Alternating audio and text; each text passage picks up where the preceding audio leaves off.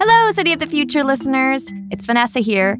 Remember when I asked if anybody would like to listen to a pilot of a new podcast that Eric and I had been developing? Well, good news. Today is the day that that podcast launches. Good news. It's called The Sidewalk Weekly, and it's a chat show for people who are big on cities but short on time. While City of the Future is all about the exciting stuff that might happen in the future, one day off far away, the Sidewalk Weekly is all about what's happening now, today. Each Friday, we'll spend about 20 minutes or so discussing the biggest stories from the urban tech world that week. We'll do interviews, we'll play games, we'll make some bad jokes, Mhm. and we'll set you off into your weekend smiling. If you're curious, then you can just keep on listening to hear our pilot episode from last week. And if you like what you hear, then you should just head over to the Sidewalk Weekly feed and you can download today's episode. We hope you enjoy, and we hope you subscribe. Subscribe! and don't worry, we'll be back with City of the Future Season 3 this fall. That we will. See you in the future. Bye.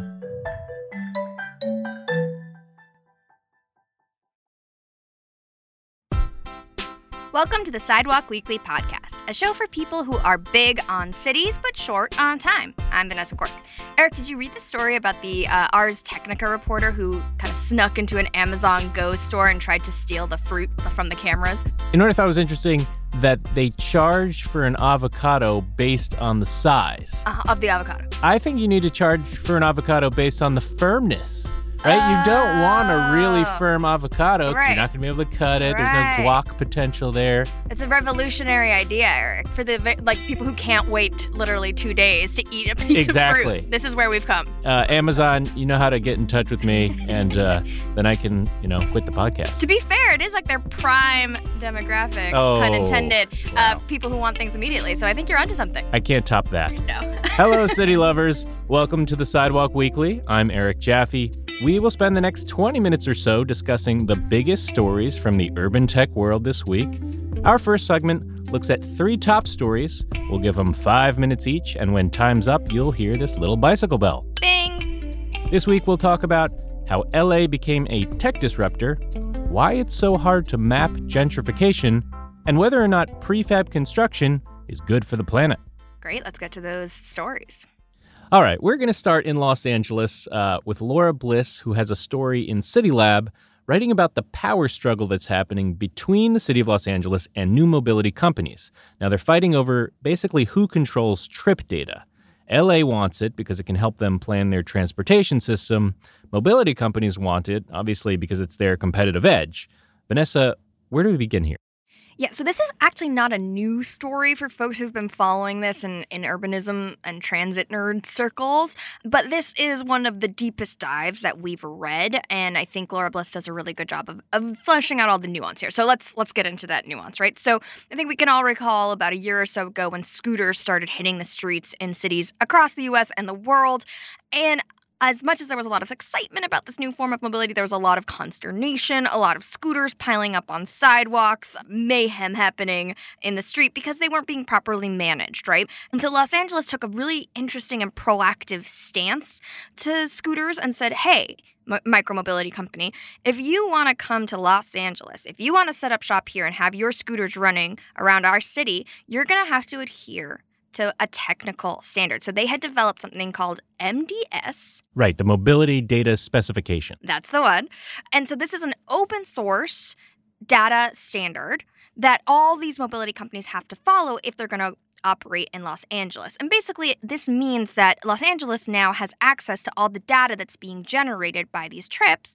And then, because they have that insight, they can attempt to kind of regulate it in a more informed way. So, like, hey, there's a bunch of scooters over here, they could ping a scooter company and say, you know, like that needs to be cleared up. That's obstructing the right of way, something like that. And it gives the city t- just I'm going to take the city perspective here, but it gives the city a lot of power to make sure that these companies are operating in a way that benefits the city overall and not just a couple scooter users, right? So, in theory, this is actually a really important step forward, and a lot of cities are kind of jumping on this MDS bandwagon. There's this uh, Open Mobility Foundation now; it has over 70 cities signed up, and they're all using either MDS or a version of it, and and they're all thinking about okay, scooters first, but this could expand to ride hail and taxis, and this could be even one day autonomous vehicles. So, I think it's actually a pretty revolutionary step, but for as great as it sounds, LA has gotten some heat for this. So can you explain, Eric, the other side of what's happening? So the biggest pushback has come from Uber, which has either sued or threatened to sue. I, I wasn't quite clear, but they definitely have refused to participate in MDS. And they're saying that the reason is it would violate the privacy rights of their users. Now, you might think, well, Uber just kind of wants to control this data because that's their business model. Whether or not that's true, there is a legitimate point here about privacy because there's a really tricky balance around open data and privacy. Even if you anonymize trips that are taken, we know that you can potentially re use that data and kind of re-identify an individual, potentially find a certain individual and map his or her trips through the city. This is not something we want at all. This is not something cities should want. It's not something companies should do. So that's where you get into this balance between open data and preserving privacy. It is a legitimate issue, regardless of why Uber wants the data. And that's kind of created this difficult environment for LA where, you know, Laura in the piece, she's describing them as disruptors, right? They're kind of taking the role uh, of the tech company.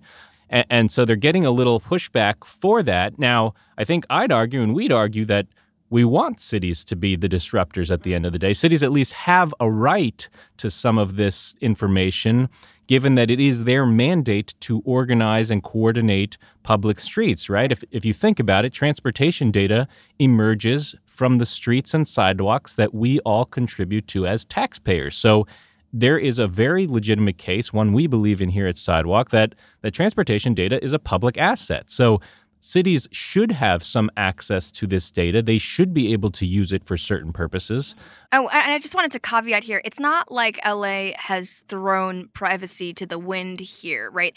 Perhaps they haven't done as much as is necessary to eh, to show to the world how they're going to de-risk this data collection and ensure the privacy of, of users, but they have started working on privacy principles and they've publicly committed to not using it in in a way that would, you know, put people at risk. So, I did want to throw out that caveat. Yes, LA they're jumping into this data realm eh, in a new way, but in an exciting way, in an, in an important way, and that's that's kind of where I want cities to be at the forefront of this conversation. It's definitely a conversation all cities need to be having. All right, on to our next story. This comes from a publication I know pretty well. Which one's that? The Sidewalk Talk blog that Eric and I work on. So, Eric wrote a really interesting blog post this week all about a new study that came out of MIT. So, some researchers there decided to examine four gentrification maps that had been published recently. So, these are maps coming out of Los Angeles, Seattle, Portland, and Philadelphia showing where gentrification is happening in their cities in which neighborhoods. But these researchers were kind of looking at this and they were wondering, hey, what are the what's the methodology behind these maps and how similar or different are they? And so they came up with a really clever solution of, well, why don't we apply each of these individual methodologies to one city and compare how the map turns out, right? So they did it all to Boston and lo and behold, they got wildly different results. Eric, gentrification is clearly a major issue facing cities right now. Why is this mapping question so important? I think we need to back up and begin with kind of one of the fundamental problems here, which is gentrification is really hard to define. Yeah. It's really hard to measure. It's even really hard for us to agree on its impact. So, right. to a lot of people, gentrification is kind of a dirty word. It really means displacement, it means eviction, right. it means forcibly moving people from a neighborhood they've spent their lives in. But another way to look at gentrification is that it's actually just neighborhood change and that it's investment in a neighborhood and creation creation of new opportunities. And in fact, there is quite a good deal of data showing that displacement does not occur as often as we fear, and investment in a community does benefit some longtime residents. So there is a lot to balance here in terms of the word. It's so super loaded right now. This is kind of at the core of what was causing these wildly different maps that we see here when they were applied to Boston because the different views you can take about the causes of gentrification and the signs of gentrification can lead to really different outcomes when you try to identify it. Right. And just to illustrate for for listeners here like some of the conclusions that came out of the study. There were only 7 neighborhoods out of 180 tracts in Boston. Only 7 neighborhoods were considered at risk across all the four maps. Everything else was completely different. So one map for example identified identified about 25 of those tracts at risk. Another map identified 119. That is a drastic difference. And if you as a city are looking at a map and you're evaluating one at 25 versus 119, the way you respond is going to be completely different. Yeah, and this is kind of really why it matters because cities copy each other, yeah. right? We heard this in our first segment. You know, you've got 70 cities who kind of emulated Los Angeles and built on top of the MDS trip data platform. And the same thing is happening here with gentrification maps. You already have Denver was trying to copy Portland's method, and mm-hmm. Boston had expressed interest in Seattle's method at the time that this study came out. So so cities copy each other. They're doing it with these gentrification maps, but the gentrification maps are driven by such different measures that you're going to reach wildly different conclusions that are not necessarily reliable and consistent for your city. And what what that means is you might apply the wrong policy interventions, or at the very least, very inefficient policy interventions that target neighborhoods that aren't actually at risk of harmful neighborhood change. And so, this is why it's really important for cities to maybe have to step back and develop their own methods for gentrification. Maybe it takes a little more time and costs a little more money, but it will at least reflect the kind of historical place based nature of this problem that varies from city to city. Right. And I think just to, to, clarify, reiterate what you're saying here, it's not that one of the maps was right and one of the maps was wrong, right? It's not like, oh, well, Seattle created the best version, therefore we should all copy Seattle. That's not what you're getting at right. here, right? The fact of the matter is that each of these cities chose different methods to, to create these maps, right? So you, as your own city, you can't just willy nilly adopt those because it might not make sense and for your city. Like maybe certain metrics aren't applicable where you are, right? It's kind of a, a shame for cities because obviously you'd like to streamline this process and just kind of wholesale adopt an existing methodology that's been tested and vetted and everything. But it seems as at least this study seems to suggest that cities can't really do that. And if you do, you're you're really at risk of identifying too few, too many neighborhoods. And then when you go to allocate resources, where are you supposed to put them? Like that for me is the biggest implication yeah. of this of this study. All right, our third and final story for today comes from the Urbanist blog. Sean Kuo writes about the potentials and pitfalls of prefab. A lot of P's there. He's looking at it primarily through an environmental lens, right? The environmental impact of prefab. Vanessa, you've studied prefab for a long, long time. What stuck out to you here? So, I mean, I guess I'll just back up a little bit and just explain what the heck prefab means or refers to. So, usually you construct a building on site, to get all the materials there, and then folks assemble it. You know, they, they set the concrete, whatever it is, and they make the buildings. The idea with prefabricated construction is that you do all of that work in a factory ahead of time in a kind of more standardized and efficient way, and then you just get the materials to the site and assemble them really quickly. The idea being that you gain a lot of efficiency, you reduce costs, you reduce timelines, and everybody wins. This is the theory. Of course, it's harder to get in, in reality, but now there's a lot of renewed interest in this field right now. And Sean Kuo is looking specifically at this idea of could prefab be a more sustainable way to design and build buildings. Yeah, and he's looking at this through the lens of what are called life cycle gains, right? This is the entirety of the building process. So the sourcing of materials, mm-hmm. the creation of certain parts, the assembly itself of those parts, right. the use of energy in buildings, and then ultimately kind of the demolition or the end of the building's life. Right. And he's done a really great job of doing the research here and looking at all these different studies that speak to each parts of this life cycle. And so for the ones that he saw kind of obvious gains. For example, assembly, right? You definitely have less waste because you're you're doing everything in a factory. It's much more efficient. He said one of the studies was about 52% less waste. Right. The parts are designed in a specific way to be cut in a specific way, so there's no waste left over. Right, right, right. Everything's cut to the right size ahead of time so that by the time you get to the site, it's just easily put together. Uh, he also looked at the end of life. Part of the uh, advantage of having stuff easily put together means it's easily taken apart, right? So the disassembly is also cheap and low impact compared to the ways that we usually do demolition, which can kind of create a ton of waste, it is very energy intensive process, right? And and he makes a really great point that you know if you have easy assembly and easy disassembly, your city could kind of change in a faster, more fluid way, and also in a more sustainable way. So on those two scores, he was pretty pro on the sustainability gains of prefab. On the one where he was the most concerned when you look at how much energy a building uses in its day to day activities, then prefab kind of has less of an impact because it's that's really less about how you made the building. It's more about did you make the building in a way that is going to have it function efficiently, right? You can achieve that with prefab, but not necessarily. And so he was concerned that because building use has such an outsized impact on the overall sustainability impact of a building, that prefab maybe isn't as important. I would make the claim that architects have actually been thinking about building use for quite a long time, and we're only going to get better at creating more efficient buildings.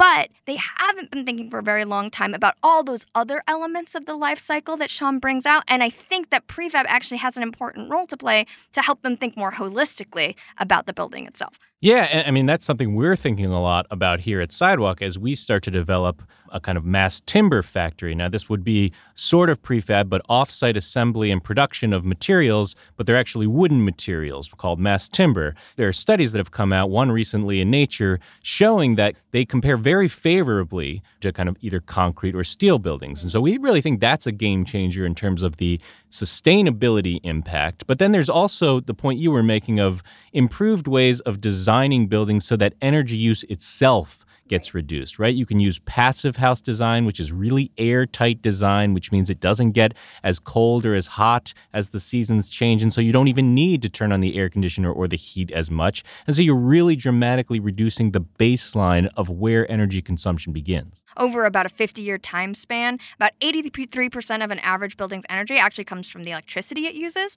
So then once you build on top of that innovations in electricity, then you could really have more gains. So I don't think that prefab precludes those those no, gains, right? No, not at all. That is it for the top stories. As always, you can find the links to these stories in the podcast episode notes. In our next segment, we are going to talk to reporter Alan Greenblatt. He just wrote a fascinating story in Governing, all about an unprecedented privacy initiative happening right now in Oakland, California. So, back in a few seconds with Alan.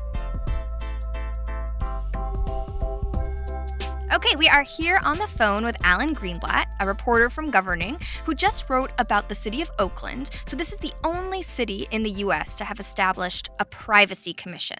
And this helps them review new urban technology through a privacy lens. So, this is super interesting stuff. Alan, thank you so much for joining us. Hey, great to be with you. Alan, this is really a, a, remarkable story here. Not only is this commission kind of unprecedented for today in 2020, but it was actually conceived, you know, many years ago. I think back in 2014, you write. So I'm just curious, how did Oakland get so far ahead of the curve? Well, what happened in Oakland was that um, there was a, a program called um, a Domain Awareness Center, or DAC, that was basically a citywide surveillance program. It started at the port and the airports, and it spread throughout the city. So there were, you know, cameras and sensors all over the city collecting all kinds of data.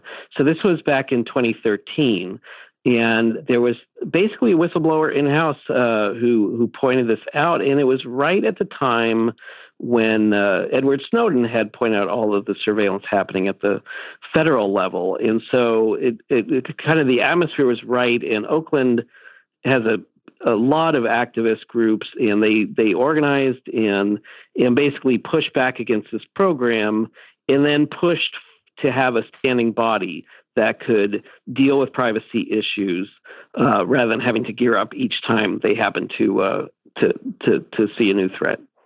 And can you describe what is the mandate exactly of the commission? Uh, to what extent can they influence city policy, and have they done so since they've been established? Uh, yeah, so it's actually an advisory commission. It's uh, city residents. It's not uh, people who work for the city. They make recommendations to the city council, which then can act or not act. But they have had a real influence. Oakland is one of, um, you know, still a small number of cities that have banned facial recognition technology um, that grew out of this commission's work. They also have what I think is considered kind of one of the strongest local laws regarding surveillance by the city. So they they came up with uh, a plan which became law a couple years ago. Uh, basically requires that this commission is notified when the city's spending money or getting grant money uh, on any kind of uh, hardware or software that could impact privacy. So that's pretty broad. Uh, it also, that law protects uh, whistleblowers and forbids non-disclosure agreements, which is what many cities have. They they they do the surveillance work with private vendors, and they're not allowed to disclose it. They may not want to anyway, but you know the residents of cities in New Orleans and so forth have only found out about that they're being surveilled after the local media somehow uh, gets wind of it.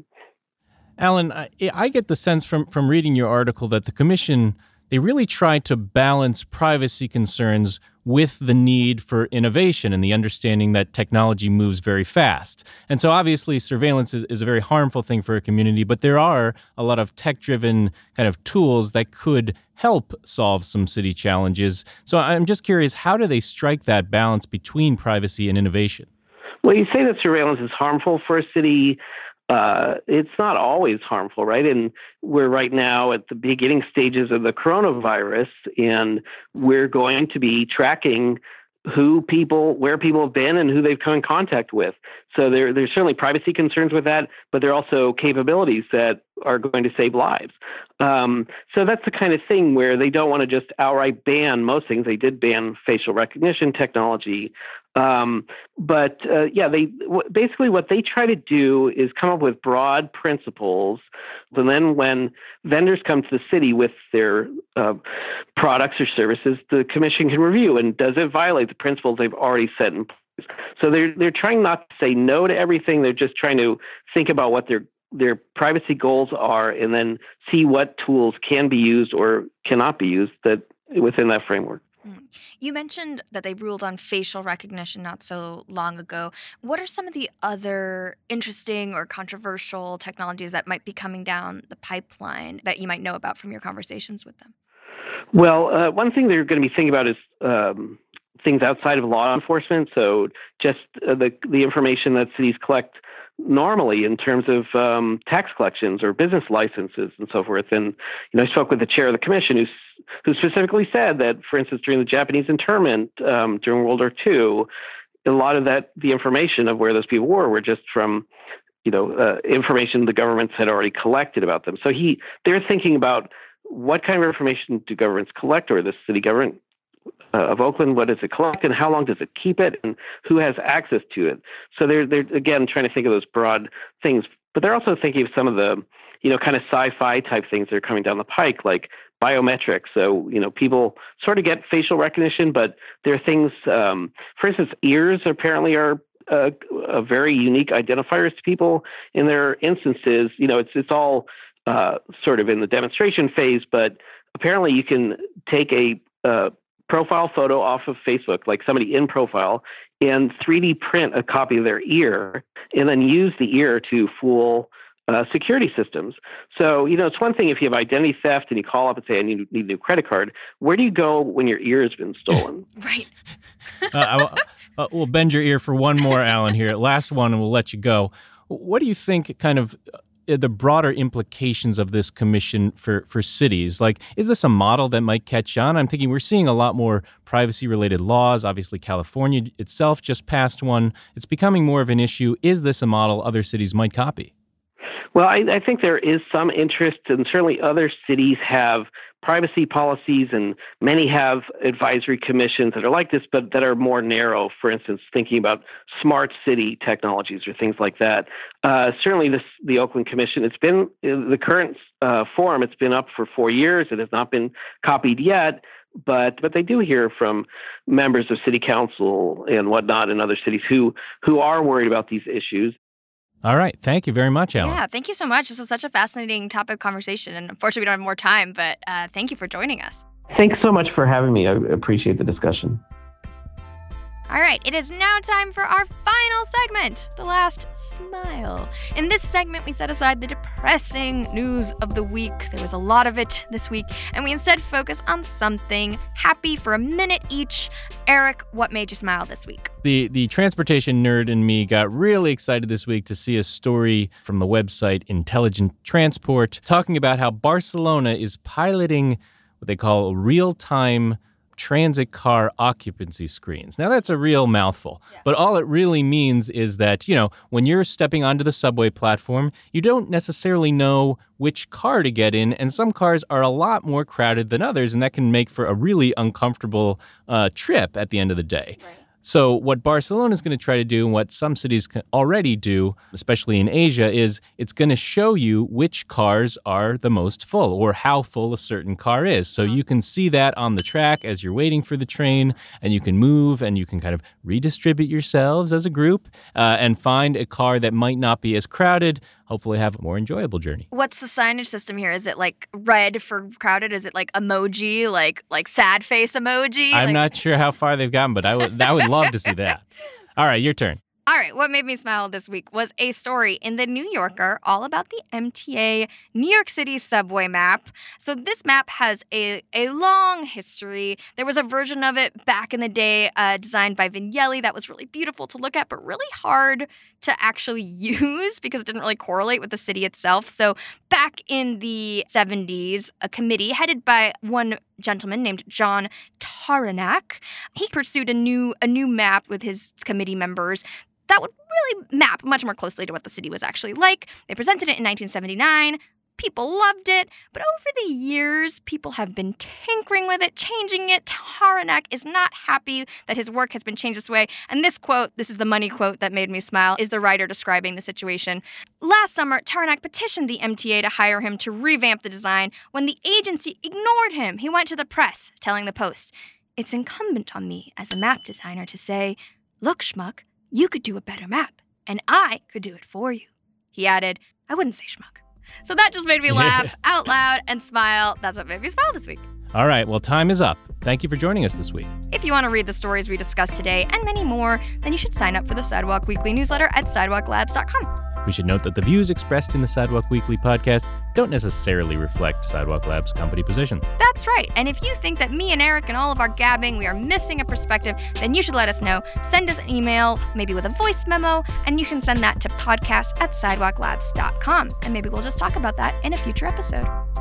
The Sidewalk Weekly is produced by Vanessa and me, but Vanessa is the one who edits it. Our music is from Blue Dot Sessions. See you next time.